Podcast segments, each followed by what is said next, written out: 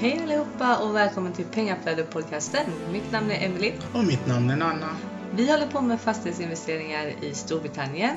Och den här podden kommer handla om just detta och vi kommer varje vecka ta upp relevanta ämnen och intervjua personer som vi finner Okej. inspirerande. Hej och välkommen till Pengaflöd podcast. And today we have Imran. Hey there, guys. How you doing? Hey, buddy. How you doing? You good? I'm good. I'm good. I, I'm not in lockdown uh, like you are in UK, but uh, otherwise it's good. It's just my leg. just, just your leg. Just your leg. Your uh, the the miracle property boot, as I uh, refer to it, basically. Uh, so, uh, we, like I said, I want you whenever you get a deal accepted, I want you to shake your boots. Okay, that's the important thing. So, as you say, so no, it's, it's, it's great to be here, and, and thanks so much, Nana, for inviting me onto um, onto your podcast. Yeah, thank you for accepting. We we tried this before. I think it was in the autumn, but you are quite busy. You're a busy guy, traveling all around the world and doing deals. yeah, absolutely, man. Absolutely. It's been it's been a really really sort of busy. Um, so the latter part of last year was just sort of insane, and it's still busy, but in, in a different format, I guess, at the moment with everything that's going on. Um, but yeah, last year was just sort of exceptionally busy, just trying to close off a few bigger deals um, and get them over the line, um, and then you just take on more more workload for yourself. But it's enjoyable, right? I love what I do, so I shouldn't complain. yeah, you can you can truly see that uh, on your Facebook posts and Instagram posts that you enjoy what you're doing, and when we're meeting you. I remember when we met you in uh, I think it was May or June. Uh, in in uh, London? yeah, in London, yeah. Yeah. And you, yeah, you're so you're so funny and, and so warm. So it's it, yeah. And then in October as well when you took me to the castle.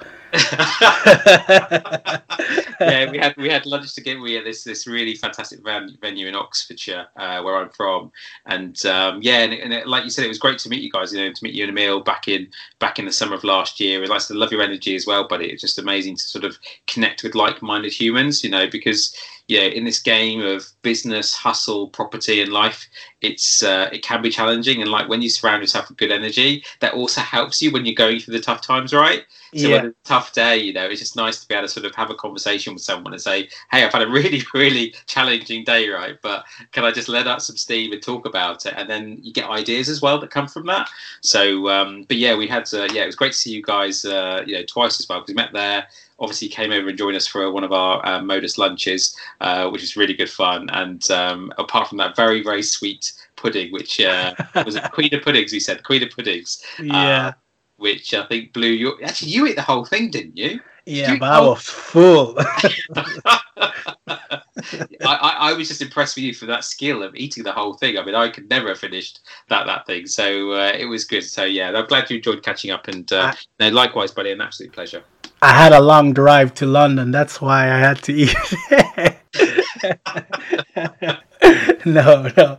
Yeah, but uh, you should uh, introduce yourself. Your background. I mean, you you have an interesting story, and yeah, I want you to share it to the listeners.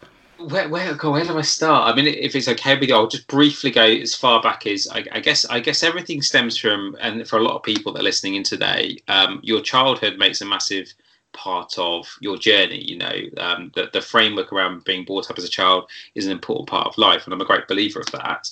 And it's only through my sort of as I start to get older, I realised that things that happened to me as a child instigated i think the type of person i am today the type of human i am the type of way i react the type of way i interact with other people and and so as a, as a child growing up so my parents were originally um, of an asian background from from bangladesh and um, I think you've got people from Bangladesh listening to your podcast. You told me, which is great. Um, so maybe my uncle's listening right now. And, and and and but you know, my parents moved over to the UK many many years ago, and uh, uh, my dad moved to London to begin with, and then moved out to Oxford and that's where I started life. It's a beautiful, beautiful city, and I, I grew up in a sort of a market town just south of Oxford, and uh, an amazing part of the world. And I'm very grateful to my parents for that. So, sort of for the growing up, you know, I. Um, you know, my parents were sort of trying to keep me, you know, obviously I was being westernized in terms of culture because where I grew up, there was not really any or many other Asian type families in that area. So very westernized from, from a very young age. And I um, and when we were sort of growing up, we had a great neighbour called John, amazing guy, and he was almost like a second dad to me, if that makes sense. So I had my dad, you know, that's obviously teaching me life experiences, you know, business and hustle and everything else, and then I had my neighbour that was very much all sort of helping the family do paperwork. He also would help me with homework and everything. So he he was great. Um, almost a bit like a grandfather, actually, I would probably say, because um, he was a lot older. So, but but I think it all stems back to one thing that he said to me as a child, and uh, I was about age thirteen, I think, from memory, and he said, um, "Whatever you do in life, Imran, give back." And I remember, and I remember that vividly now. And, and as a child, I didn't. And as a child, you know, when you're 13 years old, right, is the last thing that goes through your mind about giving back, right? Um, yeah. At 13, I just wanted to go hang out with friends when I was not at school. Um, you know, do my homework maybe at the last minute, right? like most of the year olds. And and I and I found that you know, yes, I studied hard at school, right? But I it, it sort of was in the back of my mind, but I never really took it into account. And I think it was only as I started to get a bit older that I realised that that sort of message that he was leaving for me was there because he sadly passed away um, a few. Um, how old was I? Probably about four, five years later, he passed away.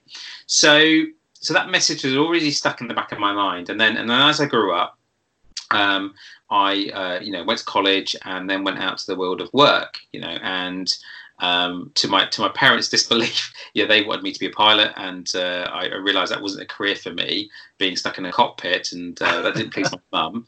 Uh, but I just didn't. I just was not excited by it. I mean, I did all the training I thought I would do to become a pilot at, up to college age, and then I thought, you know what, this is not for me. Um, you know, I realised I wanted a different way of life. So I went into the world of work and, and did lots of different um, sort of jobs in my early years. Um, but that message about helping was still there in the back of my mind.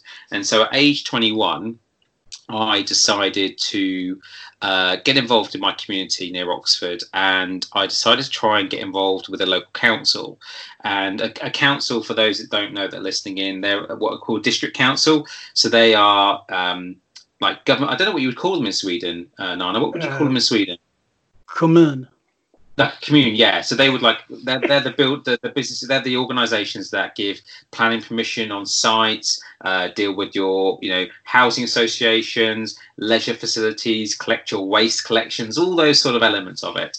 And I decided to try and get involved in the local council age 21 to try and have a, a more of a say for young people because I felt that young people weren't being represented in our area correctly. And um, and you had to go and get elected. You had to sort of you know put yourself out there knock on doors and try and get people to support you. And it was a, a very interesting sort of experience, really, giving it a go because lots of people would say to me, "You've got no chance." What what they told me would happen is that I would do this and I won't get in because no one knows me. I won't get in, and and but then you'll fight for the next time in four years' time. So when you're 25, you come back again, you have another go, and at that point you'll get in. So I thought, okay, well, look, if, it, if that's what it takes, you know, to try and do some good, I'll, I'll give it a shot.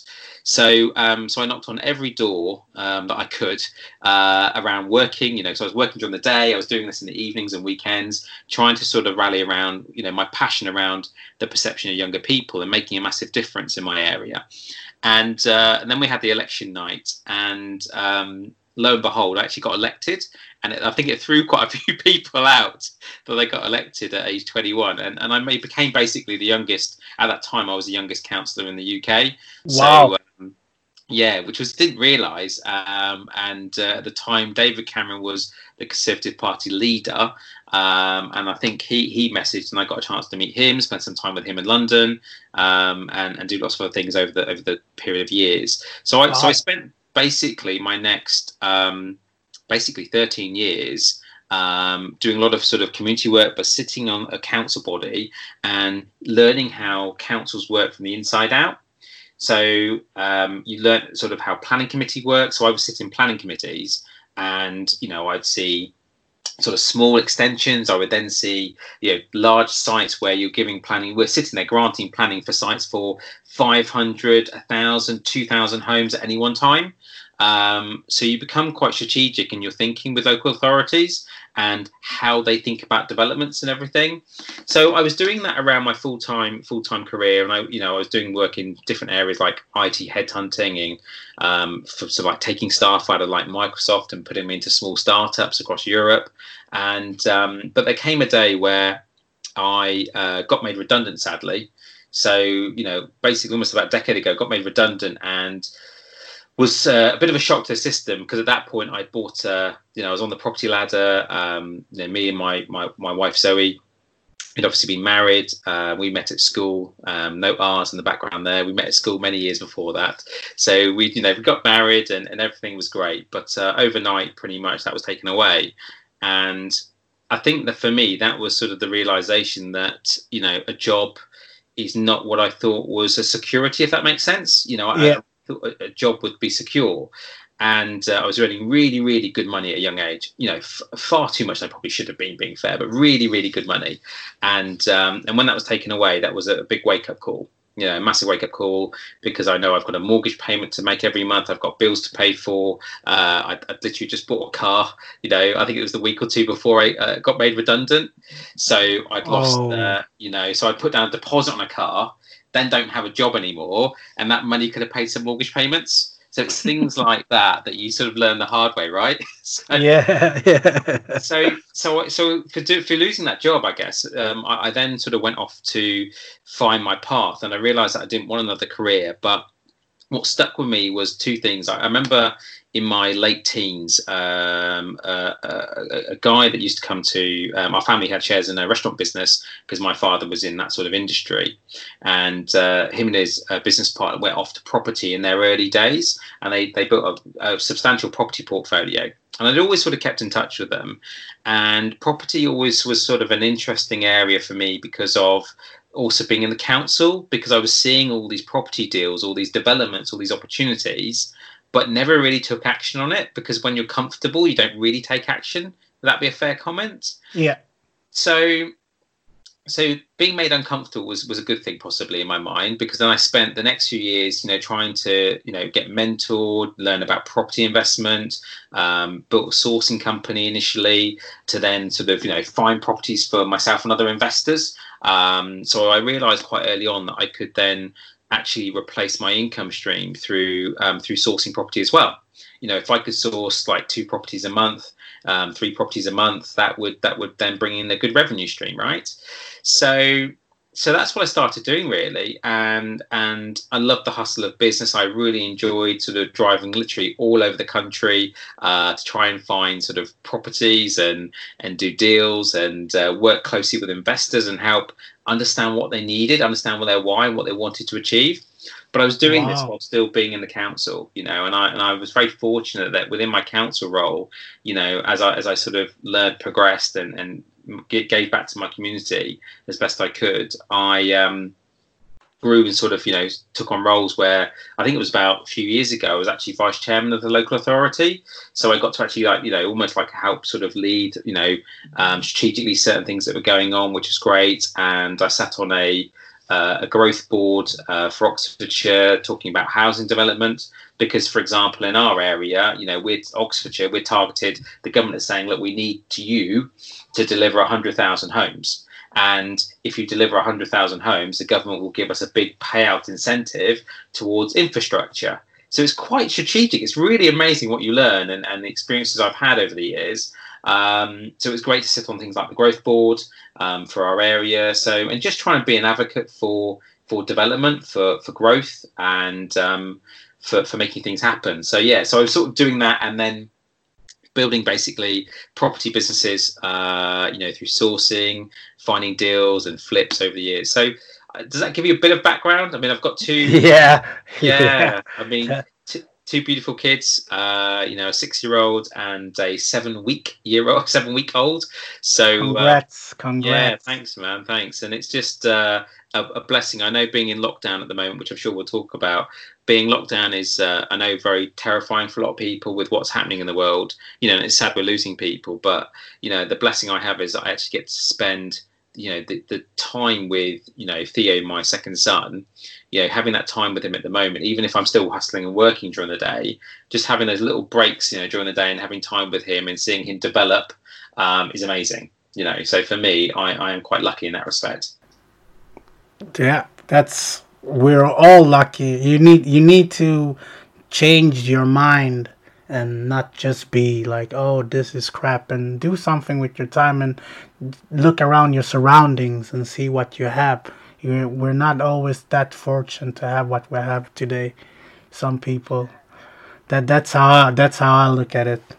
And I, and I totally agree with you. Like reflection is a beautiful thing, right? I think that in life, you know, if you can you know i reflect daily. You know i created habits in my life that i reflect daily and look at how my days how my day has gone what i've achieved and what i could do better you know. And i think when you're sort of a, you know you're a business owner you're hustling with your business partners and you're just sort of thinking about okay am i achieving what i need to? Am i really moving this this this business forward? Um, am i feeling uh, and, and am i grateful for what i got? You know gratitude is a big thing as well. Am i grateful for what i have right now? Because it could be far worse right? And i think yeah. that I always um, remind myself back to when I first lost my job, because the first two years of losing my job were the hardest, right? The hardest, both both physically, mentally, and on our, my relationship with with Zoe. Um, that was tough, really tough from that point yeah. of view because you know you're not knowing you know having i hate to use the word fear okay? Um because i think fear actually motivates me when i'm scared about something. I think i should i feel like i should like attack it and try and solve it. Yeah uh, i'm the same. but, but, yeah I, I just feel that sometimes um you know i remember literally like little things like you know not wanting to open the credit card bill you know when i lost my job because i just thought if i just push all the pile of paper to one side right it will go away it won't, won't be there anymore. But of yeah. course, those bills are there, right? You still have to pay them. So, um, so I think you're absolutely right. I think that, that, I am very grateful for anything I have, you know, in, in our life, um, because actually it could be far worse today, from that respect. Yeah. So, I totally agree, buddy. Totally agree. So, so yeah. So, so, so would you say that uh, you chose property because of what you saw through your uh, your dad's uh, friend, business partner that they, that it gave like freedom and you you you can choose what you want or why did you choose property?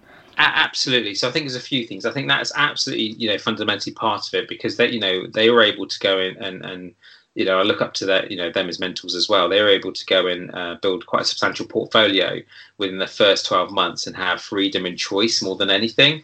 So I think that's amazing, you know, and then, and then not have to work sort of, you know, 24 hours a day or whatever people work each day.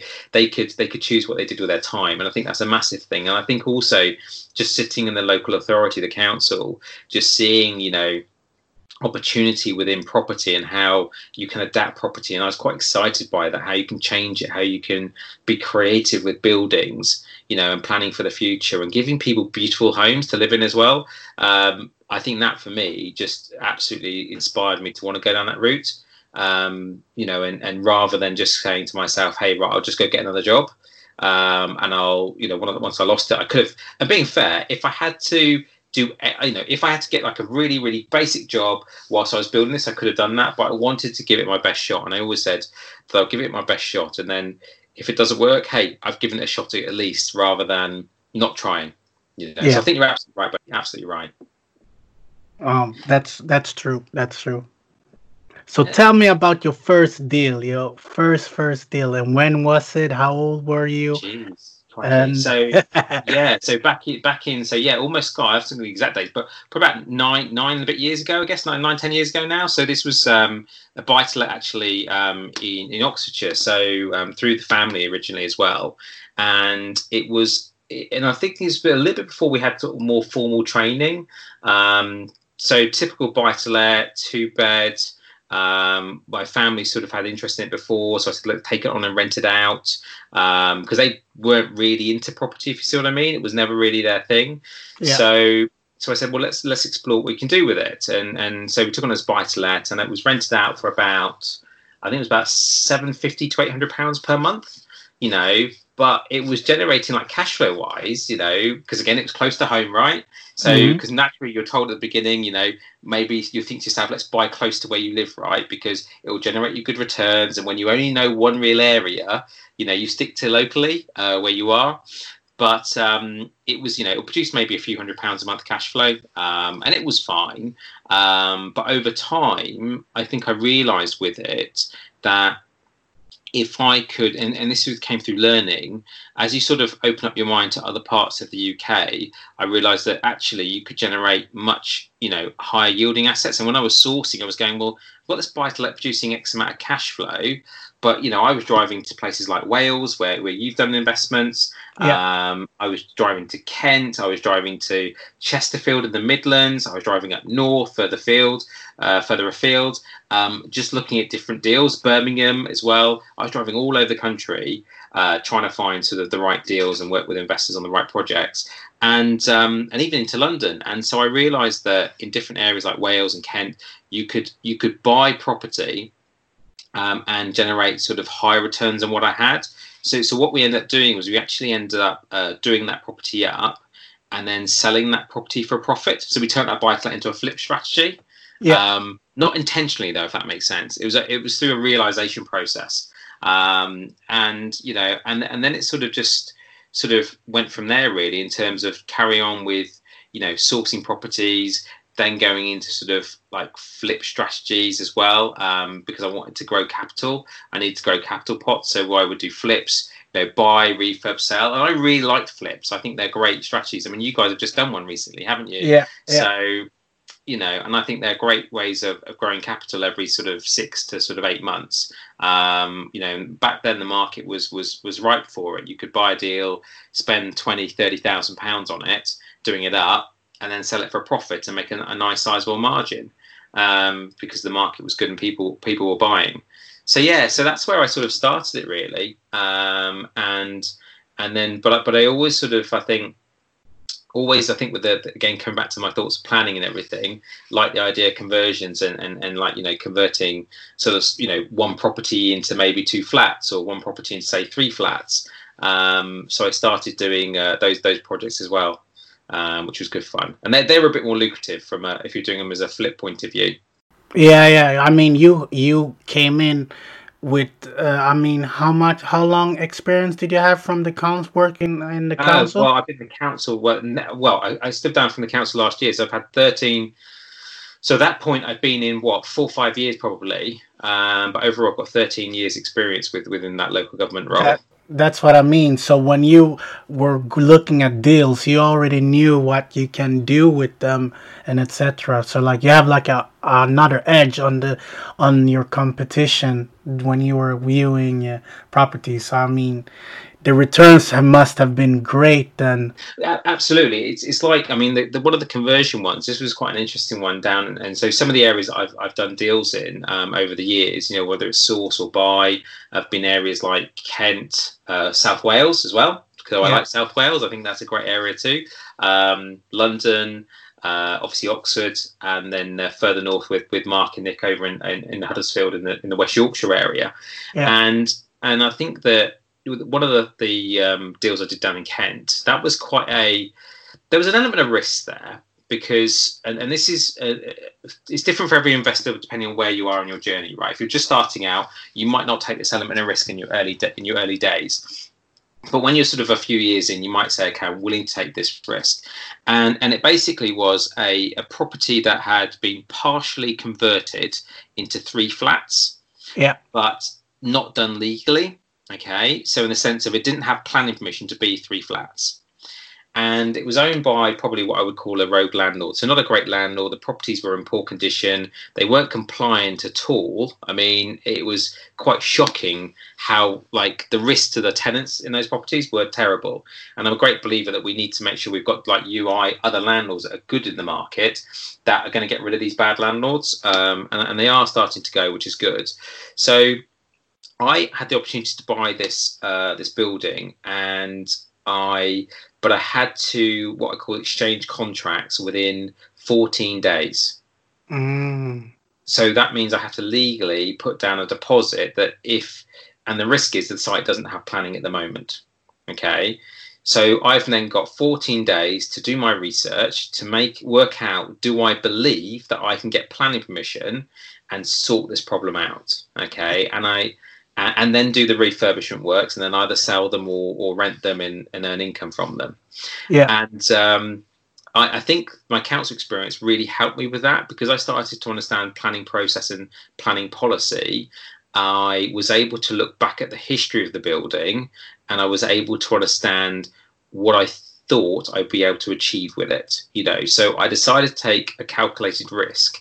So of course I did a survey like anyone would, and then I exchanged contracts um, two weeks two weeks later. Um, I had had some phone call conversations with that council, um, but of course had to be a bit cautious about how much you say um, at that point. Uh, but I had some open conversations with them about you know what I was planning to do and what was going on, and try to do some intelligence digging. And and with that knowledge though, I then exchanged, and then I was able to um, complete. I had about I actually had about three months to complete, so I exchanged, but then had three more months that I could complete that purchase. Wow. And and in doing that, it gave me time to sort of start working through sorting out the planning processes, what needed to happen um, behind the scenes. But there was still a risk because I could have still lost. It was t- basically 20 grand is uh, what I had to put down as a, a, a deposit. And if I um, if I hadn't have got the planning sorted, I pretty much would have lost that. So there, that was still a risk at the end of the day. Um, you know, yeah, so twenty so, grand is twenty grand. yeah, exactly, exactly. You know, and if I don't complete, then there'll be legal fees against me for not completing, and you know, I don't want to spoil my relationships with any local agent in the area.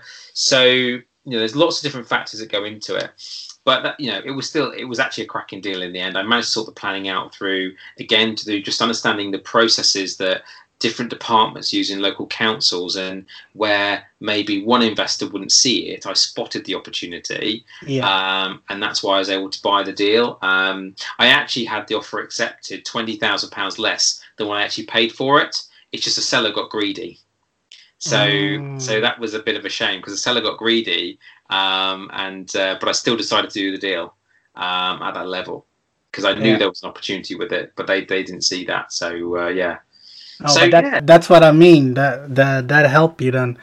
Uh, it's a blessing in the sky then. A- absolutely, absolutely. And when, and when I could do that, I could then renovate those into three flats and generate a you know a sizable profit if I wanted to, or, or, or like I said, refinance them and then rent them out as as buy to let investments. You know, so I think you're right. I think I'm very lucky, more important, lucky and humble that I've had the experiences within that local government body, you know, um, to do things. Of course, it did take up, you know, the council role took up a lot of my time because I was very passionate about my community work, and and maybe you know, if I if I wasn't in that role today, I probably would have grown at a faster rate.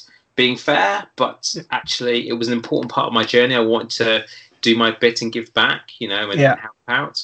Um, so so that was one form of giving back, and now I give back through coaching and mentoring as well. But yeah, it's it's been you know a vast array of doing different deals, like I said, conversions, buy to lets. Of course, with, with Mark and it we do HMOs as well, um, and uh, those where you rent out individual rooms and make a higher return, and uh, and then some flips along the way too. Uh, yeah you know so it's, it's a wide array. You know i wouldn't say we're not you know we're not like these big big developers but we you know but we're, we're very humble down to earth and, uh, and we enjoy socializing at the end of the week where we can you know not during the lockdown of course at the minute.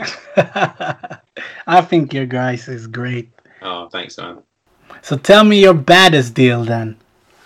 Oh so the, one of the baddest deals. Um it's probably one of the ones actually when you one of the ones down in Wales probably was a, a, real learning curve for me. And this was in my again in the early days.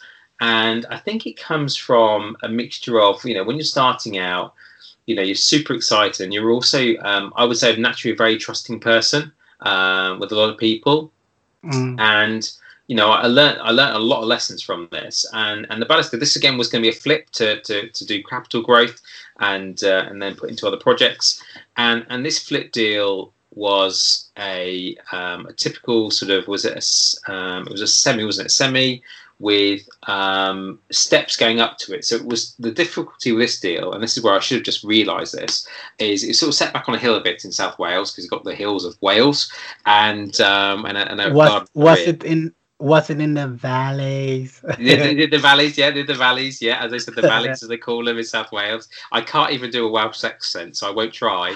And uh, but what so what, what happened was we were buying this property and um, and the goal was to flip it and make a margin. It probably would have made about eighteen to twenty thousand pounds profit. So yeah, for for a relatively low purchase price, you know, um, I think it was in the you know low low 80s from memory on that one. Um, it it would have made a nice healthy margin from that point of view. Mm-hmm. And so the, the, the, two learnings here, um, the few learnings I had is that the issue I had is that we had one building team that we'd awarded to the, the build works to. And this this deal came through a sourcing contact. So this deal came to me from a sourcing contact and they said, look, here's the deal. We looked through it, we, we did our due diligence that we believe were right, and and we trusted the sourcer to, to help us and and then they had a build team that could come and do the refurb as well. So what happened was I think the sources provided the deal. I don't think realistically maybe I'd you know maybe I should have spent more time doing more due diligence. I don't think they had done enough due diligence necessarily on the actual building itself. The survey came back pretty well, no problem at all. So the purchase went through. It was really in the in the build phase where we had one building company in and they um, said to me, right, okay, we just need a few thousand pounds up front initially to get started. So I was like, yeah, great. Here's a few thousand pounds. You know, um, there you go. And they get cracked on.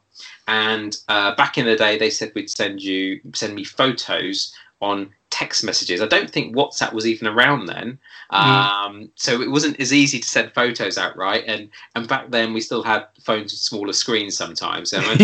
yeah. But uh, but you know, technology's come on so far in the last sort of you know five six years, and and I find that those those properties basically the guy started refurb there and um, we were hoping we agreed that he would send like weekly updates weekly photos and a bit of a report.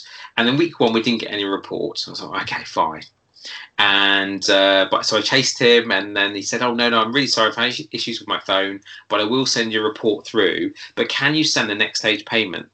Can you send the next payment to me?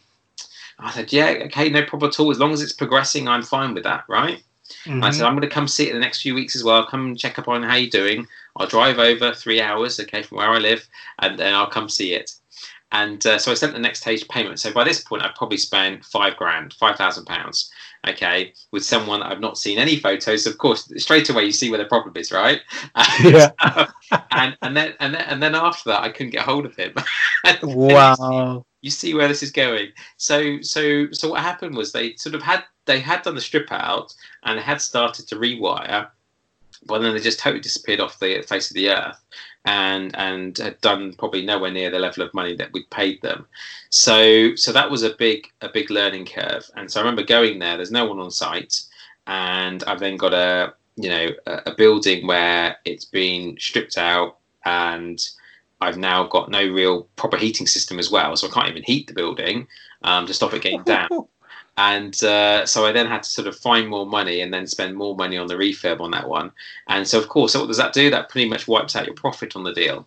So, yeah. so really, the, the, for me, that was probably one of the, the baddest in the early days because it was it was more about managing the build and not having real clear structures in place and real agreements in place with the build team. I was just so excited about doing this and and hustling through an opportunity that was going to make me twenty grand, right? Yeah, and and not thinking about the structure and setup. Um, so I then had to get three more building companies in, get quotes, take over the project, and pretty much manage it myself and do stuff. And uh, and that that was more challenging, you know, more challenging on my time. You know, while trying to sort of source property and and and build business as well, and uh, and then find money for this. So yeah, so that was quite painful actually. That was that was quite painful um, in the early days. Um, and and you know, even, don't get me wrong. Even today, you know, builders can make mistakes along the way. Things can pop up, and I get that. But I think with experience, you get used to it. If that makes sense, you, you yeah. should understand it, and and you calculate for it as well. You calculate for it, right? so, yeah, yeah, yeah. You do. Yeah. You learn by your mistakes, of oh, course. I would never. Uh, I, I think. I think from, from that one, you know, yeah, like contingency and everything else that goes in the budget there now it, it is so crucial to this now in terms of the journey and how it works, and, and having certain documentation in place with your build team is, is crucial. So um, there was a big learning curve, big learning curve. It was just it was just very painful in the early days. That was all. Yeah. More about how the time and energy it takes from you um, when when you when you're building a business like this.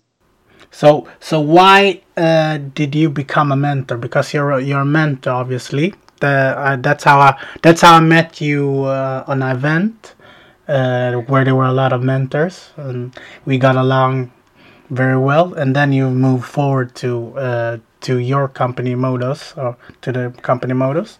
Yeah, so so so yeah, so I started mentoring um, about five years ago. I was approached um, by a company in London that do a lot with the Rich Dad Poor Dad brand um, to do some mentoring, and, and it was and it was a bit of an honour, really. I felt quite humbled and honoured to, to be approached um, to to be involved, and very grateful to them for the opportunity of mentoring clients. And I, at first, I wasn't sure about the, the concept of being a mentor because I was still sort of, you know, even today, I'm still doing the journey, right? Still doing deals and making things happen. Yeah. But, you know, I, I had this perception that mentors, you know, back in the day should have lots of grey hair, right? And they should be, you know, our head. right? and uh, you know, and I don't have that much. I've got some grey hair, but not that much yet. Um, but I, I, I, think you know, when I was approached to do it, it was an absolute um, honor and pleasure. And through mentoring, I think I really found, you know, when I look back at the last sort of, you know, 15 years, 20 years of big going, going out to worldwide place of work, and I think about the areas of life that I've enjoyed, the coaching and mentoring has been the, the number one fundamental thing that I love. I genuinely, for some strange reason, love people, right? In, a, in a, like everyone, even if there's a challenging person to work with, I, I, I love the challenge of trying to help them you know grow in in whatever way or shape or form it is. So um, yeah, so I started mentoring about five years ago, helping um, a lot of mainly actually at the time it was international clients, you know, people like yourself, Nana, that are you know buying property in the UK and and guiding them on the journey, supporting them to build an element of freedom in their world because yeah. You know, people gave their time to me to help me grow businesses and and just help give me the confidence that I needed to take some steps in my life. So I thought, well, if I could do the same to other people, then I could help them on their journey too, um, and help them develop, help them grow, help them build portfolios, so that they're not just them, but their kids and their their future generations, right, have something left of them. And that was what I what I was doing, what I want to do. Um, so yeah, so I coached a mentor. I think I've coached and mentored probably in excess of 200 people now um, over the last sort of five six years um, wow. and and then I um, you know got more involved uh, last year with our business um, which is Modus Modus Group and that's basically a sort of suite of companies I would guess that um, offers everything from like our academy, which we coach and mentor clients that are either in property already or looking to sort of build assets. And we coach and mentor you as long as you can buy property. You know, there's so many different things out there where people are going, well, I, you know, can I afford to buy? But we help you take that action. We really do. Um, so we coach and mentor people.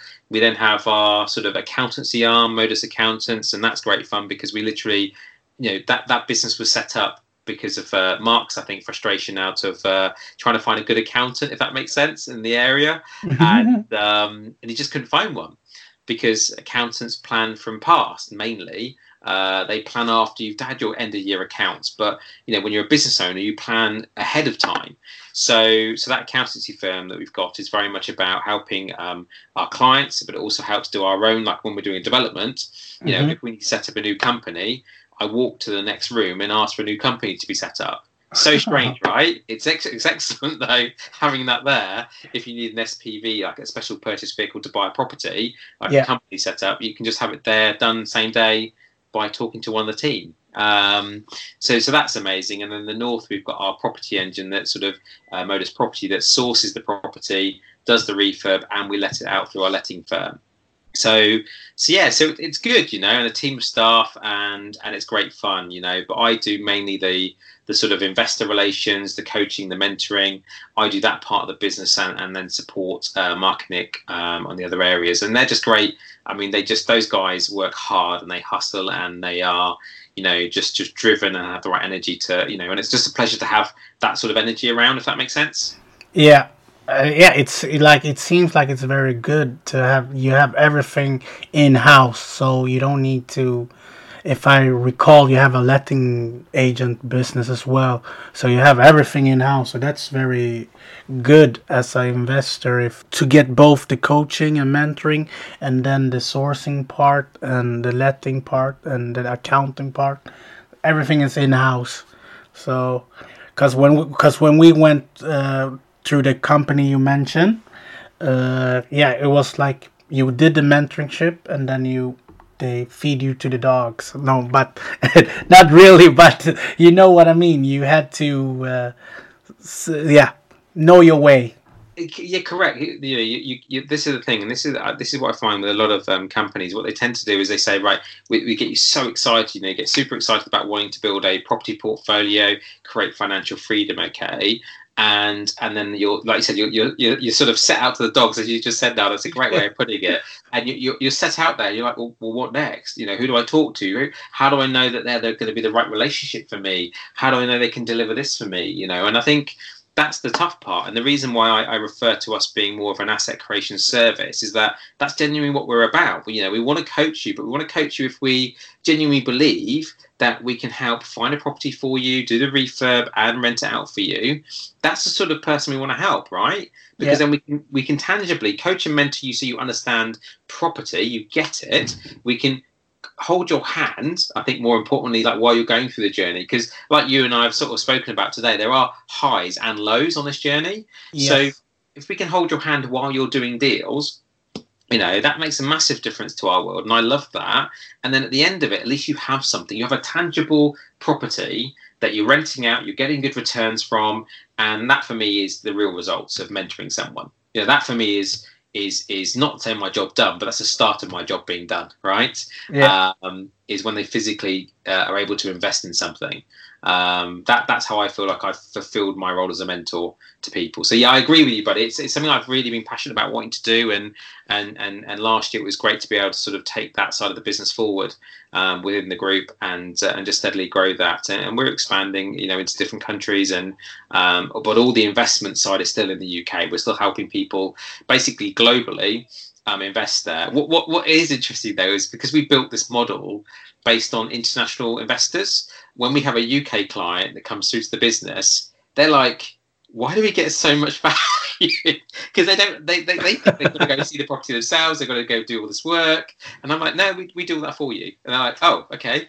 so, so they, they, they think, you know, because I remember when I, you know, first had my, my first sourcing company, yeah. we didn't really have that full end to end service. It was like, we'll source a property um, in my first business, we, we then would outsource the refurb and we'd have to outsource the lettings. So we yeah. couldn't, there's certain elements that we couldn't control to protect the client. Whereas within this, at least we can protect the client more. And, yeah. um, and, and don't get me wrong, lettings is not an easy business. Um, it's not necessarily a business that one would think you'd end up doing, but it makes sense because it's about protecting cash flow. It's about protecting everyone's rental income coming in. Yeah. Um, as investors. So yeah, it's uh, yeah, and it's, it's been a pleasure. And, and, like I said, I don't know what it is about mentoring, but I, I just genuinely love it. And um, as you probably know, since we've met, yeah, yeah. yeah. You know, I'm driven. I'm a people person, and I want other people to come on the journey and, and, and grow at the same time. I think that's really important. It is. So tell me about the areas you invest and why. Yeah, cool. So, so in terms of the areas that um, I invest in and why, so they sort of vary. So Kent was an area that um, I invested in, and that was mainly because Kent gave a, a range of. Um, I was also sourcing in the area, so that was helpful. Um, but Kent gives a range of what I would say not bad yield, so quite good returns, but also an element of capital growth. So it's almost a bit like a hybrid between getting really good cash flow, but also getting some capital gain as well over time. So if you have a portfolio there and the market is growing year on year, then uh, like eventually, if you decided to refinance the portfolio um, or you want to exit, you're going to have some equity there that you could pull out, basically. Um, so Kent, I would I would tend to invest in places like um, we'll do deals in say uh, Maidstone, Gravesend, uh, Folkestone, those sort of areas, um, because you could buy in certain parts of it, you could buy relatively decent sized property and turn them into say like five, six, eight bedroom HMOs. Mm-hmm. Um, generate really good returns. And because on one of the main train lines there um, was only 20 minutes back into uh, London, then you, you tended to find like as a flip strategy as well, it was quite good because you could sort of people in London were wanting to move out because they wanted more land, they had a growing family, and they wanted a garden, for example, rather than living in an apartment in London. Um, but they wanted the convenience that maybe the husband or wife could travel back into the city for business. So you also found some good areas that you could do flips down there back in the day. So I, I, I certainly think that that was that's still, and I think that's still a good area to invest in today. And then mm. and then further further north, I mean, I've done projects like I said, um, I've done auction purchases um, over the years where you've gone to auction, bought them, and then sold them for a profit. Um, but I've done one in London where you sort of buy apartments and then just rent them out. And again, they're lower yielding assets, but they're more like a golden goose little property, um, and in that respect. Um, and then Oxford is very much about again capital growth mainly. Um, there's one that um, we've got Mark and Nick, and it's a sort of service accommodation let. So that one produces an okay return, but it's not.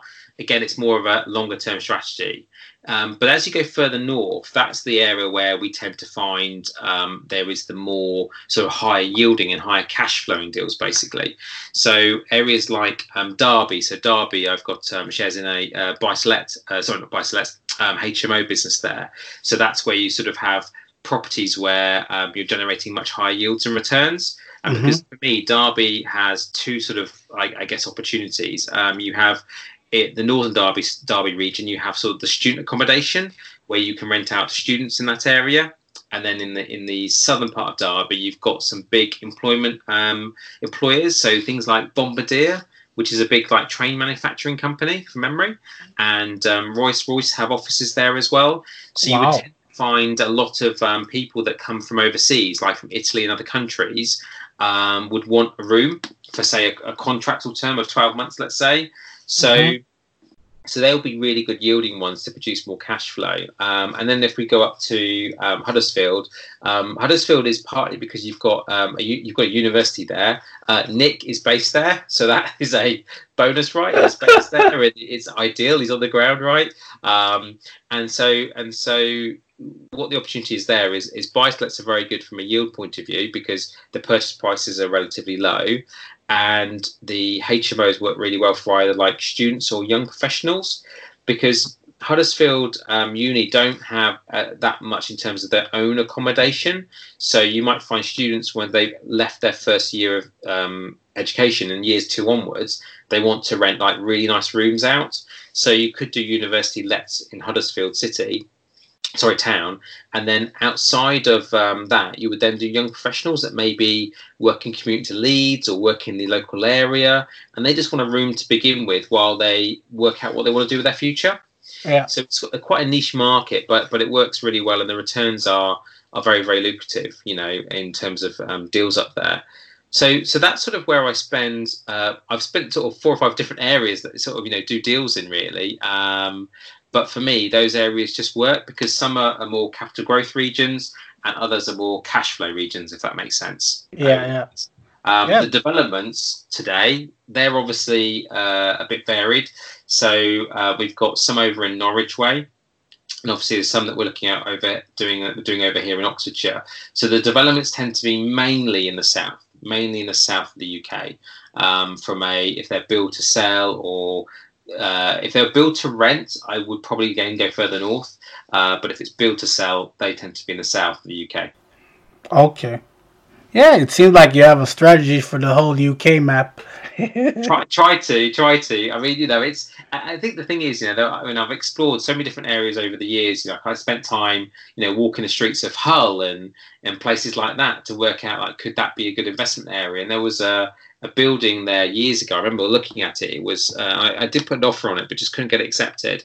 And it was an old, um, I think it was like a British Legion building, so linked to sort of uh, the armed forces. And it was a cracking property that you could turn to four flats. So again, my, my, my passion for conversions is coming back. So a great building you could convert to four flats, but they just would not accept my price and um, you know, and you make an offer, you know, you make the best offer, uh, and I was not going to go above that, you know, because I yeah. wanted to be the, the, the deal that worked for me. Um, but yeah, it's it's you know, it's good fun. You know, it is hard. We're still continuing to build assets. Uh, you know, we're still doing that, and that's why developments for me is a big thing because if you can do projects and get sort of chunks of capital, you can then go and buy more cash flow, basically. Definitely.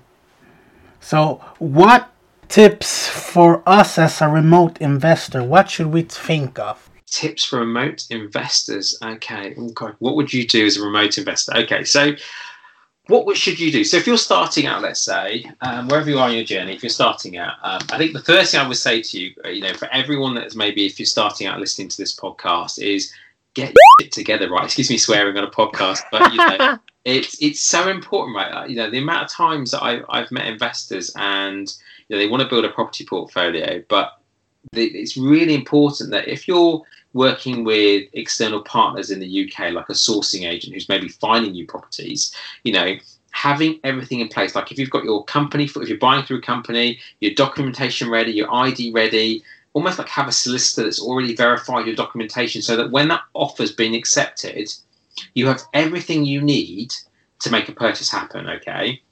Mm-hmm. So, so for me, I think especially if you're making offers through like estate agents in the UK, they want to see like proof of address, your proof of your passport, your proof of funds, so some form of um, bank statement or something showing that you've got funds ready to make that deal happen.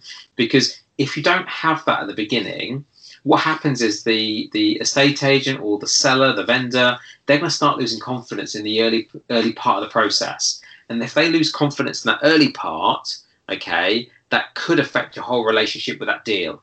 Yeah. Um, it could cost you the deal, right?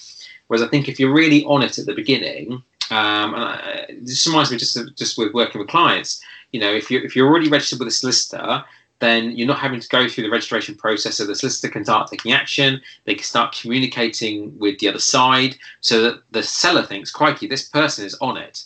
This person Imran Locken is on it. He's communicated with me. My solicitor is uh, his solicitor's already got in contact with me. This guy is hungry to make this deal happen. You know, yeah. and I think for me that's really important. Be purchase ready, okay? Be be be ready to make that deal happen. You know, especially at this time. You know, because I think there's going to be more opportunities coming, and I would certainly think that's a, that's a very important tip. You know, if you haven't got your documentation, your and your all, as we say in the UK, your eggs in a row. If you haven't got those things in a row, ready to go, then then sadly those eggs are going to crack along the way, right? So do you think we should have just one uh, sourcer and one solicitor and one broker, or do you think as a remote investor we should have more of them so you can pick and choose and what's your take on that? Good, good question. I, I, would say, like, okay, define you. You got, you got to define what your strategy is in terms of property, and then you got to think about the areas you're investing in and the team around you and the people you want around you. Your sourcer plays a very important role in terms of finding the opportunity, but also what the source has around them. Like, maybe I'll come on to that in a second. But certainly with sources, if you're buying and say, let's say you're an international investor, you know, picking sort of maybe two investment areas is probably a good starting point because if you if you picked five or six, then you're going to have properties dotted all over the UK at the beginning yeah. of your journey, right? Um, if it's a flip strategy, I'm not too worried necessarily. But if you pick two, then you can get super focused and get super knowledgeable in those two areas. You know, because it's not the source's job to tell us about the area. They'll give us an indication of it, right? Yeah. But it's our job as investors to start to get to know the areas and start to understand what's there and what the opportunities are. So I don't think there's anything wrong with working with multiple sources, but do limit it to maybe a few. Um, in terms of brokers and solicitors, absolutely have more than one. You'll you'll have one main broker that you have a really good relationship with. That they again they have all your documentation. It becomes a lot easier over time, but different brokers might have different products. You know, and I think that's really important. I mean, I was uh, talking to a coaching client uh, the other day, and uh, they've got a purchase they're doing at the minute, and they had one broker give them a rate at I think it was like four point four or something like that, and another broker that can get them a rate at like three point something. So just having multiple brokers to maybe you know certainly two or three brokers is important because they might have access. They might say that they've got access to the whole market, but we don't know that until we go and maybe have a conversation with another broker. Yeah. So I think multiple brokers is crucial. Um, on your point about solicitors, I would absolutely personally recommend that you always have more than one um, around because you also got to think about when you, when you're building a property business like this, if you're doing it remotely, you have to think about I'm becoming a business owner and I'm building a team. Now, whilst that team are not employed by my company, you've got to see them as they are there to support the growth of your business. And you've got to think about their strengths and their weaknesses, is probably the term I should use. I will say weaknesses because I, I, you know, I've used different solicitors over the years, and um, you know, the the firm that we talked about in Wales that I also know that I didn't realise you've been using. I think yeah. they were great for maybe helping with more creative purchases or um, being open to sort of working, you know, help delay the purchase if I need a bit more time as well to time, right? So, whereas there's another firm that I've used before in London, and they were very much black and white. You, you, we won't delay the purchase if a if the seller needs things to happen, we'll contact the seller, right? And um, and then they had another firm that was also creative, but also good with sort of joint venture agreements, loan agreements, whatever the structures needed to be. So I think having uh, the knowledge of having multiple solicitors that have different skill sets is really vital because then when you've got that particular deal, you might say, okay, what solicitor would suit that purchase? Which yeah. broker would suit that purchase? And you put the team around the deal. Yeah, you put the right people around the deal. Yeah, that's really yeah. important because you, you know, it's a bit like you know tradespeople. You wouldn't send uh, a carpenter to do an electrician's job, right? No. So you've got to think about that with your solicitors, right? You want to send the right solicitor for that particular deal, the right broker for that particular deal as well. So I I, I think absolutely you should maybe have multiple um, arms of your solicitors and your brokers. Sources, I think it's about the biggest thing for me is um, almost like having a clear checklist with sourcing agents on understanding what they do internally and what they outsource. So if you think back to when I first started, you know, when I was sourcing, you know, I was finding property, but then I was relying on a lot of third parties to deliver the refurb and deliver the lettings yeah. at the beginning. That is where things can go wrong. The sourcing part might be the easy part, i.e., we find the deal, a sourcing agent gets paid a sourcing fee, and then they say, "Hey, goodbye, investor. There's the refurb team. There's the letting agent, right?" So, so if you can have, if you can have, um, if you can understand the the team behind the sourcing agent, that's really important because I think if you understand the team behind them, how many clients that sourcing agent can deal with at any one time. Because if they're super busy and haven't got time to deal with you, it, it, you've got to be careful about how does that affect your business, right? Yeah. Because you're relying on that one person bringing you property to grow your business. Exactly. So, so I would certainly bear that in mind. Um, I hope this is helping. I mean, I hope those points are useful. Um, yeah, yeah, it is. I think it is for the listeners. I think it is the, the, the, the one other thing I, I would certainly say is, you know, I think as, as remote investors, you know, you do feel obviously disconnected to the process sometimes, right? And I, and I do think it's really important that you two things you absolutely do. You continue daily like work on on your mind and how you feel about this business and what you're doing. You know, you must spend at least 20 minutes working on your mindset every morning. Every morning without fail, you know, whether it's listening to an audiobook, whether it's learning something new, but 20 minutes just on you, right, every day um, and this time maybe even more if you're not if you're in lockdown. But just have that time to really like get your head in the right space when you're building this and get really clear mini systems in place. You know, build think about your business if you're going to scale it. You know, even if your goal is to only buy four properties, right? Think about your goal is if you're going to scale it. So you systemize the business from an early stage because if it's systemized, and when you do each deal, you tweak, you refine, but then you can then scale it if you want to. Or, you know, what I love about you, Nana, you talked about, you know, virtual assistants before. We've had conversations about these, right? Yeah. And and I think it's great if you have those people behind you that can support you. It just means you can scale business because you can't. Doing it alone is one thing, but it's never quite as fun, right? So if you can do it and have support of other people around you, that makes a massive thing. So I think surround yourself with like-minded people is is the last bit of advice I would definitely give. Surround yourself with like-minded people. Uh, no negativity is allowed in my world, right? yeah, same here, same here. So tell me about your current deal then.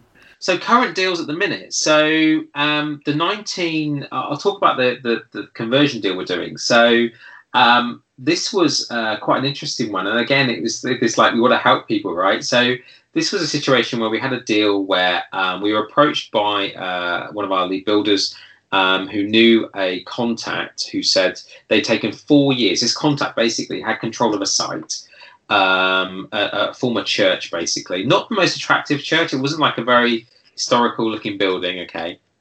And they'd taken them four and a bit years to go and get planning permission. Okay, they were kicked back, kicked back, kicked back, and they were almost giving up. And they finally got planning permission on this building, turn it into 19 units. And, and so we were sort of introduced and, and you know we looked at the deal and said actually would we like to go in and do it as a project with them so we, we ran our due diligence and did the numbers so we decided to go ahead so we bought a building for uh, £687,500 and uh, it's a, a £3 million build out so we just started demolition work recently um, on the building. But of course, all that demolition work is now stopped uh, on part of the building. Um, so we'll restart that hopefully in the next two or three months once uh, the lockdown's over in the UK. Yeah. And um, and then we'll complete that and uh, and and look. It, you know, it'll be worth a sizable amount of money. We'll probably look to achieve somewhere in the region of around seven million, I think, GDV um, at the back end you know so it's a it's a good sizable project and and the goal with that project is mainly a flip strategy is phase one um, if obviously if it doesn't flip, then we'll look to hold on to it and keep it as a rental. Yeah. But plan A is to, is to sell it as a flip project. So um, really excited about that one um, in terms of taking it forward. A bit gutted that nothing's happening at the moment, but at the end of the day, you know, there are lots of other people in very similar situations, and we just have to to, to ride that wave and do other things and plan for when we can get back to site. So we just communicate a lot with the team and make sure that everyone's on the on the same page with that one. So that's exciting um, in terms of conversion project. And then um, and then we were going to buy a, um, a piece of uh, land over in Surrey, and that already had planning to build one house, but the um, it was one bungalow, and the goal with that was to buy it, build the bungalow within six months, and then sell it. So it'd probably be a nine month project, but that was going to make about 140,000 pounds of profit um, oh. at the back oh. end nine months. So that would have been great, right? That'd been yeah. really, really good. Um, but we wanted to try and exchange contracts, um, but not complete the purchase until you know maybe two three months time just after the lockdown period um, but the seller and the team probably couldn't agree to that at this stage so that deal might be there for us when we come back. It may not be um, but that's okay because there are other projects that we're, we're looking at doing. So um, you know around that. So yeah so we, we will look at smaller projects at the end of the day if the project's right. Um, yeah you know, but we tend to focus on sort of you know, the small to sort of mid-size um, development deals at the same time. Um, that's where we spend a lot of our time. So yeah, so I'm very excited about the conversion deal and uh, and doing that. And uh, you know, I'm sure there's the odd photo on my Instagram or on on YouTube. I think I did a little video on YouTube uh, just visiting the site um, and showing people around. So you have to excuse my poor YouTube editing skills, and, uh, but people can always have a look. I'm the same with you too. I'm not so good. But it seems like after the lockdown, you're going to have some exciting times in front of you, ahead of you. So hopefully this lockdown won't be too long so you can continue. Yeah, the lockdown's an interesting one. I mean, I do think if I think the problem, you know, in in the UK, I think people were quite naive to to coronavirus and yeah. and what it could do and I think at the beginning of the lockdown, people were still going out and socialising, and I was fascinated walking. You know, when we did our, we were told we can go for one walk a day. So just for everyone's benefit, we're allowed to have one walk a day. We can go to the shops for essential supplies, but that is pretty much it. You know, we can we have to stay at home the rest of the time. But in the first weekend of the lockdown, now I was taking my family for our one walk a day, and uh, of course keeping our social distancing, so keeping two meters apart from everyone. But there were groups of people getting together. Yeah. And I was like, that group of people do not live in the same house, right? and, uh, and, and I think and I think from from the realization is that people were just naive to it and not realizing how serious the, the coronavirus is. So I think people are starting to get it. So I think realize that like what's happening, and I think we're starting to go into peak phase at the moment. So we're going to start hitting the peak. Um, I reckon the next ten to twelve days. I reckon, and and then hopefully, if we start to see the curve come, then then eventually the lockdown will be lifted. But I, I don't believe. I mean, some people have said like maybe in two weeks we'll be out of lockdown. I honestly think that for at least another four weeks we'll be in lockdown. I, I don't I, I, don't see how they could just release us all again. Yeah, the the issue that me and Emily have is we have our property business in the UK, and here in Sweden, we're not doing any lockdown. So it can happen that they will do like, oh, if you're from Sweden, you're not allowed to come in. yeah, you won't, you won't be allowed in. You won't be allowed in. You, you have to you have to send me to look at your properties, uh, I have to go look at your properties for you. And this is the this is the problem, right? And and I think that really, you know, collectively, you know, with the World Health Organization and everyone, we should be um, you know, we should be absolutely like globally all on lockdown at the same time. it shouldn't yeah. be piecemeal that some countries are on lockdown and some are not. Because, like you said, otherwise, what they'll say is, okay, anyone from Sweden can't fly to the UK right now or anywhere for a period of a month because uh, we've got to ensure that the country is is doesn't have it anymore as best it can. Um, yeah, it's a really odd one. You know, I mean, I, have been very lucky that over the years I've, I've, spent time with you know government bodies and uh, I've met even had a chance to meet Boris over the years through, through the council role. You met many powerful people. yeah, and it's been fantastic to talk to about Brexit, talk about you know corona. Well, coronavirus. I've talked to our obviously MP, but um, with Brexit, it was great to talk to uh, David. You know, obviously, well, David Cameron wasn't around after that; he escaped. Uh, but talked to Theresa May about it, um, talk to, to Boris and team about it. So um, there's been lots of learnings that I've certainly had through it. But I think you're absolutely right with with the lockdown. You know, I'm excited about what might be coming in terms of. I think there's always opportunity out there, and we've just got to be. Everyone should right now be literally like you know working hard to to get ready for it because I think there's huge opportunity coming. So I think I think you're right. I do hope that in Sweden they you know, I don't know what you're going to do in Sweden, but I do hope that if they do do a lockdown, it's quite soon for you guys yeah. um, to more protect you all more than anything, I guess. Yeah, definitely. So, what's your take on the current market, the property market? Like, do, would you would you buy now, or would you hold to everything uh, open up, or do, would you do a delay to completion, or yeah? That, that's yeah, that's a really good question. I was actually doing a uh, um, a webinar talk with um, a mortgage broker and a currency exchange broker the other day. So it was fascinating, um, you know, what, what I was hearing, and there are two sides to, to that actually. So so in terms of there's, there's a few fundamentals when you're buying property. So if you're an international investor or even a UK investor, you know, and if like for example at Modus, if we were looking at another deal, then the challenge right now we could go ahead and start the purchase process but realistically, it's going to be unlikely that we can complete the purchase until the lockdown's lifted, hmm. because mm. fundamentally, a few things can't happen. We can't survey that building physically right now, um, and I think legals you could probably get through, but it, you, you've got to be willing to take an element of risk if you're going to if you're going to not survey a building. And I would always advise every investor you must get a survey done. Um, yeah.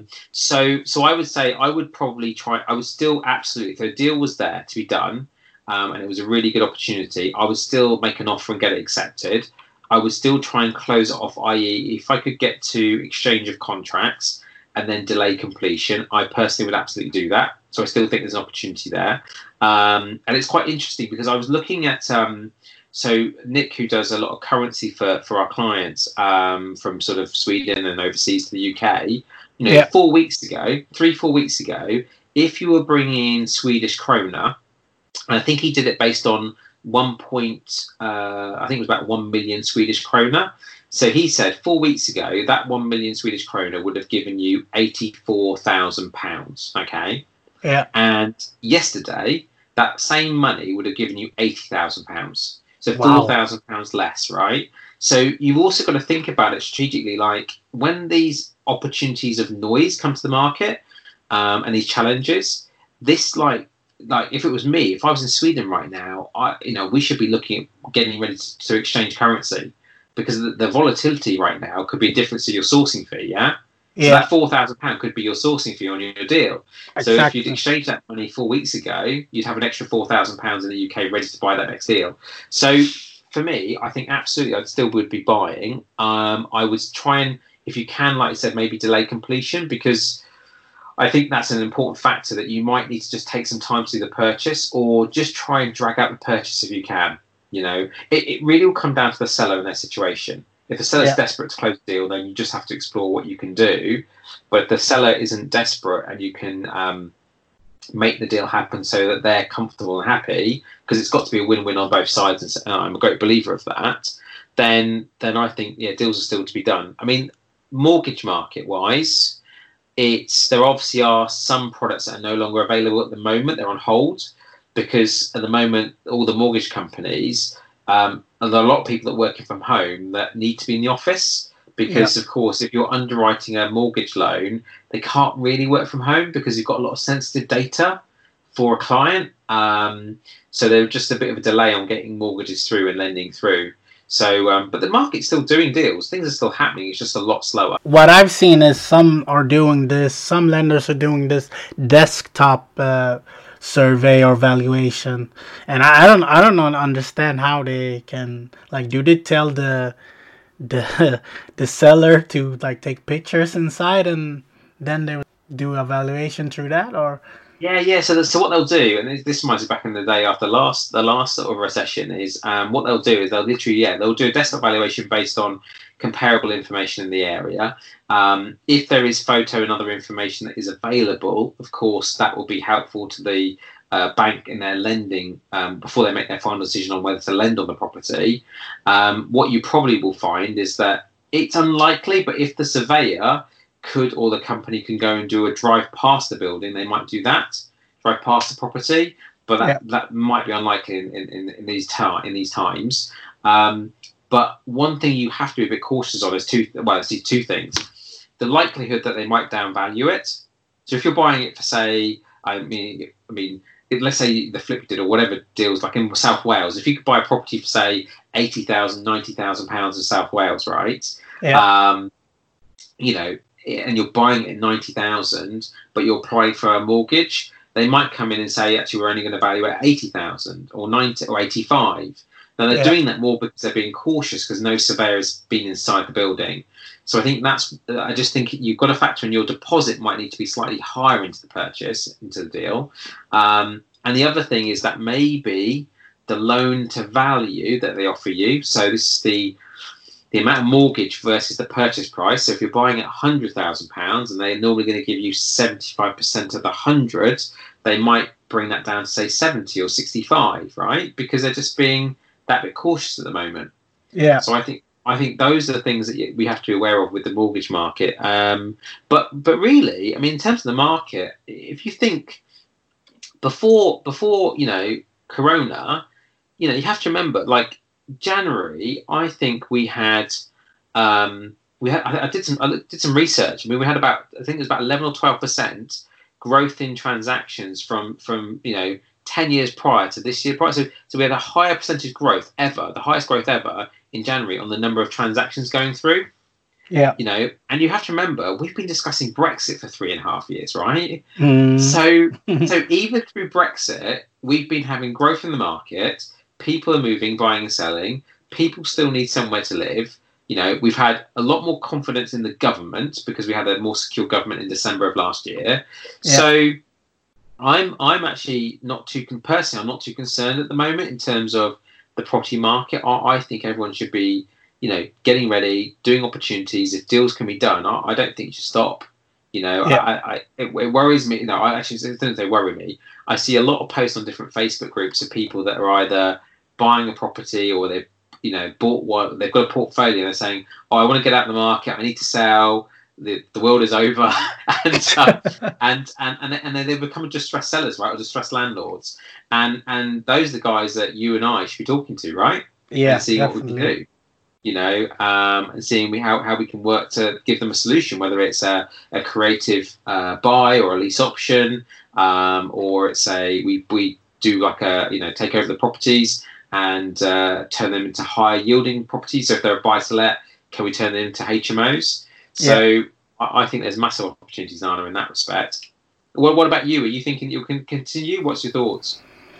I think uh, it will either go down. I don't think it will be 2008 again crash like some some people suggesting but i think it, w- it will get a dip but then I think it will go up again. The longer this thing drags on, the longer the dip will will be. So let's say if we're out of it in three months, then I think it's it's all right. But let's say if it drags out the whole year, this Corona stuff, then I I really don't know how the market will be. You know, because it seems like the government, all of the government around the world, are just printing money and like someone needs to pay all of this money so i think we're gonna get a high high tax bill and have to come new businesses yeah to give people jobs i mean i don't know if the government can sustain this in 12 months or 9 months more so th- Yeah. that, that that that's the important factor, isn't it? In terms of Yeah. the cost, the, the the debt and borrowing. I mean, I think our chancellor has done an amazing job of what he's trying to put together through the business interruption loans, through the uh, working with um, most all banks in the UK to give mortgage holidays to homeowners Yeah. and and rent holidays. I think I think and and salary. You know, protecting people's jobs at the moment. I think that Yeah. the intervention schemes that they put in place are um, unprecedented and, and amazing what they've done, and I've got a lot of respect for them. I mean, being a, a part sort of conservative as well. Um, Yeah. in, in my government role, of course, you know, supporting the government, they've done they've done a great job. So Yeah. I think I think you're right. I think as long as we can fight this on all angles. So if everyone does stay home right now, I think as long as we get out of it in the next few months, I would say I, I visit the UK property market makes a, a quite a strong and, and quite quick comeback. I don't envisage it'll be for for like like 2008, you know, in No. that respect. So yeah, I agree with you. I agree with you totally. So I'm quite excited about it. I'm just you know getting on. I, I know everyone. Uh, whilst whilst everyone else is freaking out, let's just go in hard, buddy. That's how I how I it. Yeah, I'm the same. Go hard, go hard. So, what does the future brings for you before the corona happened? What were your plans? Yeah, so my plans um, before obviously continue to, to spend uh, as much time as I can with my family. Um, my my dear wife, from, from a personal point of view, she, she she loves me to bits, but she knows I love what I do and I do work hard on it. And Yeah. uh, sometimes she has to remind me, "Hey, honey, it's the weekend, right? We can have some time together." you know, and I do, and I do. We do have balance. Don't get me wrong. We do have time together. Sounds like balance. Yeah, yeah, exactly. And I think balance is really important, right? But I, but I do genuinely appreciate having the time that we do have with them, and and it's really important. But I think for me, before before all this was happening, um, the biggest thing for me is to continue to grow um, our asset creation service and help clients, you know, have more people that want to go on a journey and build an element of freedom. You know, um, I've been working hard um, over the, the last certainly few weeks as well on a an online sort of accountability course to help clients that are either in property right now or they've gone through training, they've started to buy, but they're just sort of losing their way, if you see what I mean, and, and Yeah. losing traction. So, so I've been working hard on that. So hopefully that will be ready to, to go live beginning of May. So, um, so that'd be fantastic when we get that off the ground. So for me, it's about um, supporting clients on the journey and, and continue to grow that side of the business. That's that's my number one focus right now. Uh, but of course, it'll be getting you know getting those developments back on track. You know, once uh, once we come out of this. Uh, from that side, I mean, the one, ironically, the one business that has been very busy lately is the accountancy firm, because Mm. modus accountants at the moment, while everyone's stuck at home, what's the thing that they're thinking about doing? Oh, I'll sit here and I'll do my accounts. I'll do my personal tax returns, right? And, Yeah. and so that business at the moment, uh, you know, it's amazing. People are just getting in touch with us and saying, "Can you help?" You know, and, and we're more than happy to help. Um, we actually launched a. Um, uh, Mark was working really hard behind the scenes to launch a support page. So I think it was coronabusinesssupport.com, and um, you know, and that's just a, a number of companies based around Oxford that have all come together just to provide some extra support online, depending what type of business you have.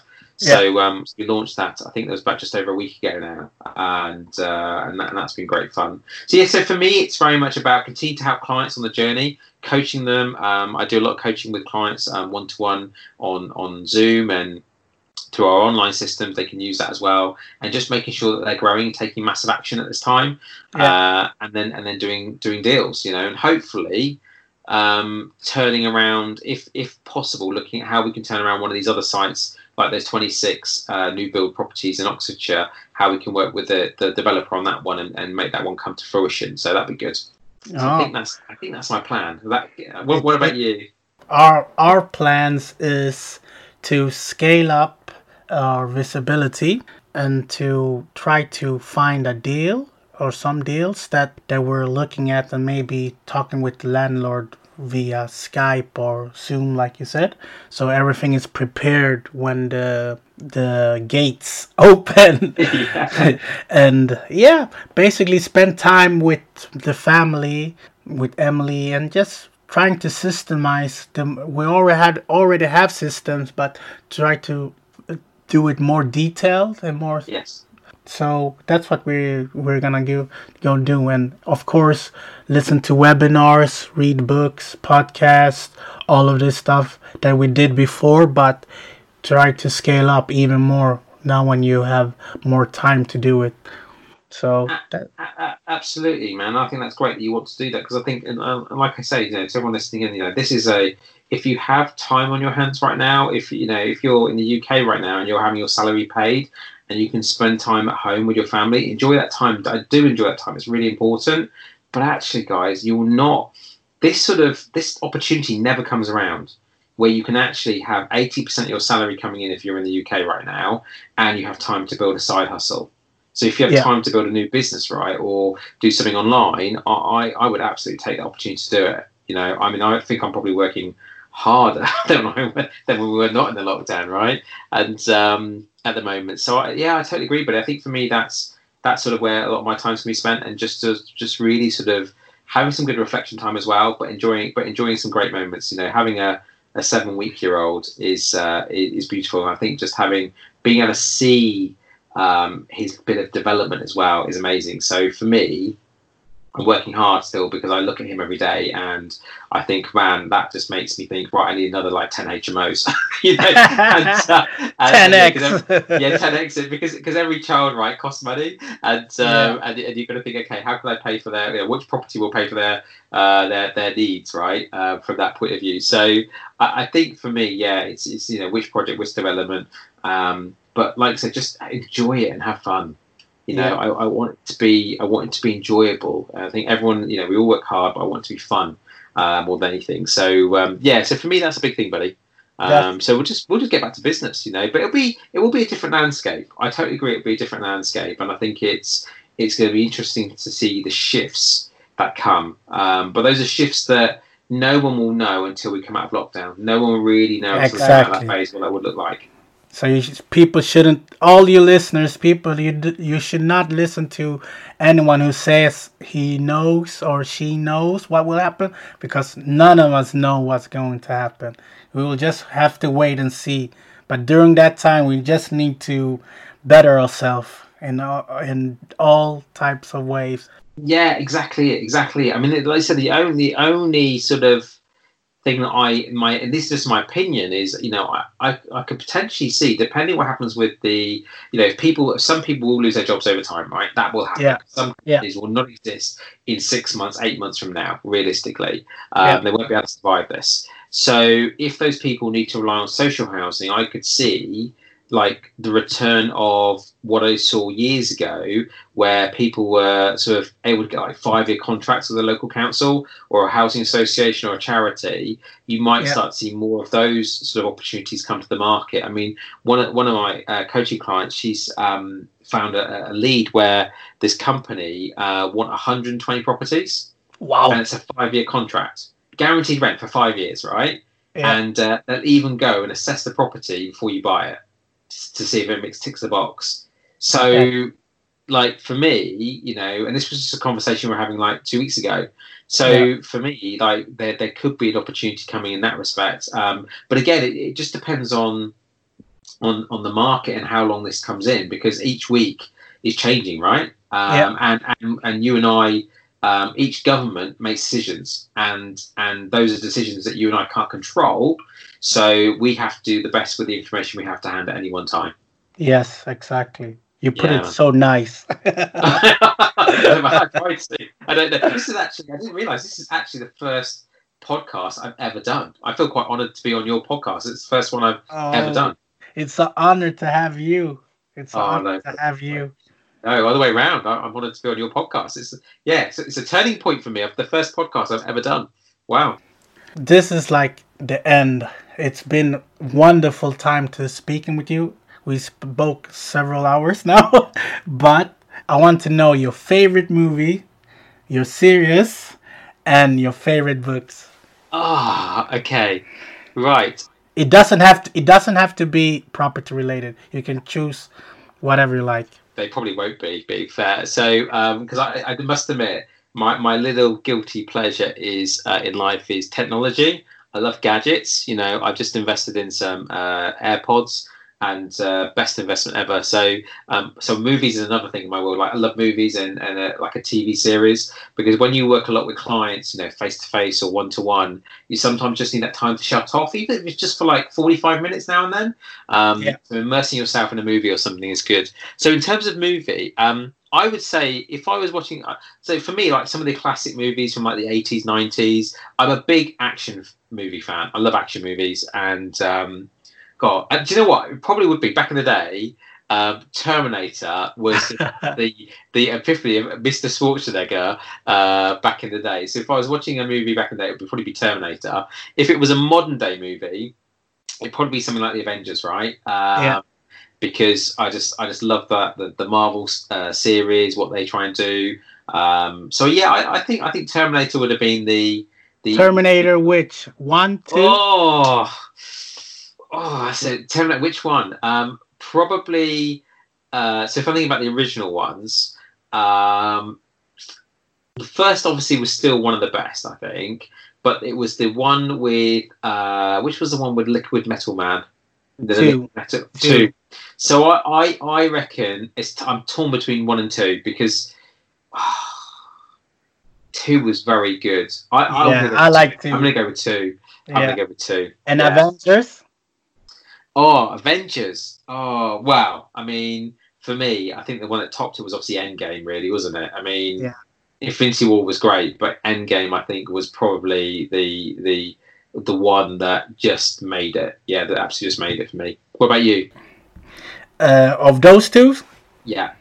Terminator 2 and uh, Endgame. The the fun the funny part is I started to watch the Endgame first during Christmas.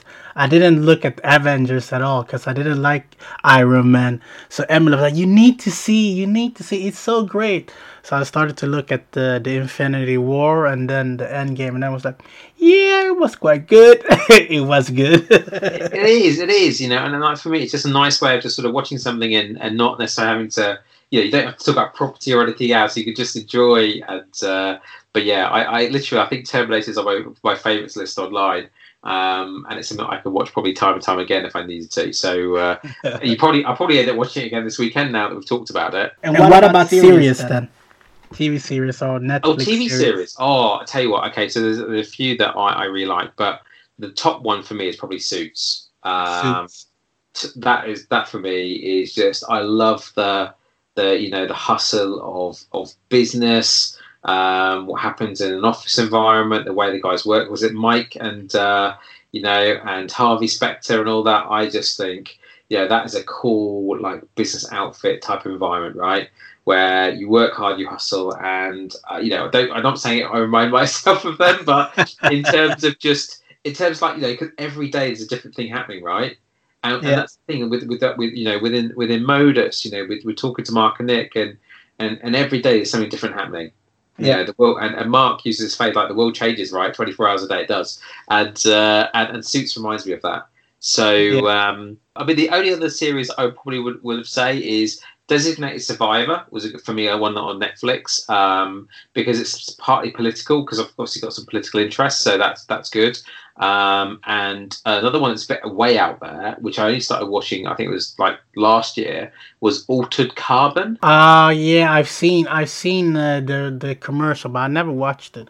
That's very way out there, and that took some getting used to. But um, but for me, I think Suits is still is still one of my favourite ones from a series point of view. Absolutely the favourite. Okay, and books then. Books. Oh, crikey. Um, where do I start? I mean, a lot of my a lot of books I read, and I, and I use Audible a lot. I love Audible. Um, tend to be very much on personal development, not really like. Um, I don't really read too many stories. I mean, within the books, there are probably stories and sharings of other people that do do deals and stuff like that. So Yeah. a few that come to mind. uh, There's probably a few that come to mind. I don't think I've got one that sort of jumps out as a favourite. Um, one by Tony Robbins. Um, I think it's called Unshakable and that's probably quite a, a good book right now because it talks about how you plan during volatility, but you know, in the market and things like that. So Yeah. probably a really good book for everyone to read right now. Um, uh, one that I've used, and actually I use a lot of these tips that I've taken from from a guy called Brendon um, in the way I coach clients and the way that I use for my own business um, is High Performance Habits by Brendon Burchard. Great book, recommend that to everyone. Um, another one would be the oh the Five A.M. Club by Robin Sharma. That's a really interesting read. The Five A.M. Club. It talks about what certain things you do and how you get up at five A.M. and you do certain things in your morning. It's about about rituals and again habits, but the way you sort of set your structure up in the day. Um, Yeah. uh, obviously, a, a famous book that I love that I read years ago, Rich Dad Poor Dad by Robert Kiyosaki. I mean, amazing book. Yeah. From a, just from a if there's one book you read during the lockdown, you must read that book. You know, Yeah. that's the starting of your journey. If you're if you're in a job right now and you're thinking about the future, Rich Dad Poor Dad is a, is a great eye opener. Game changer. Yeah, totally. And uh, and I guess the last one is um, by a guy called Tim Ferriss. He writes a lot of good books, and um, there were two that I know that he, he wrote which were very good, which was the Four Hour Work Week and um, and what was the other one? That one was I think called Tools of Titans. Yeah. So um, those two books are really really um, worth reading. Um, eye opener for for freedom and time, you know, for outsourcing. So Yeah, that's ev- why I everyone like thinks it. that they have to do everything right. Everyone thinks, okay, I've got to do everything in this business. No, no. And I know that people say this, and they say you should work on your weaknesses, right? I'm like, do you know what? Focus on your strengths, outsource Yes. your weaknesses. Focus Yes, on your strengths, exactly. outsource your weaknesses. You know. Um, and at a time like this, I think that that's really important, and, and I think people need to remember this is the time where people need to really get. And I was saying this on a, a call the other day. People need to really get comfortable with being uncomfortable Yes. this is the time where I, I, I I actually respect people more that build this around their job and their career. You know, I lost my job, so it was forced on me. But I Yeah. respect people more when they when they start to get comfortable with being uncomfortable. Yeah. You know, um, I had to do it the other way around. So um, yeah, man. So that would be yeah. Four hour work week is a great one, and, I, and I'm glad that it's given you some tips and tools to use sort of in your business. Definitely. So tell the listeners where they can get hold of you. Oh, Like- well, hold of me.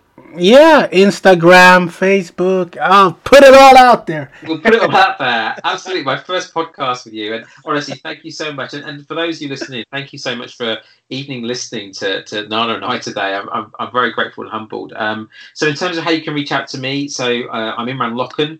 Um, that's L O K H O N, and you can probably just Google me if you want to.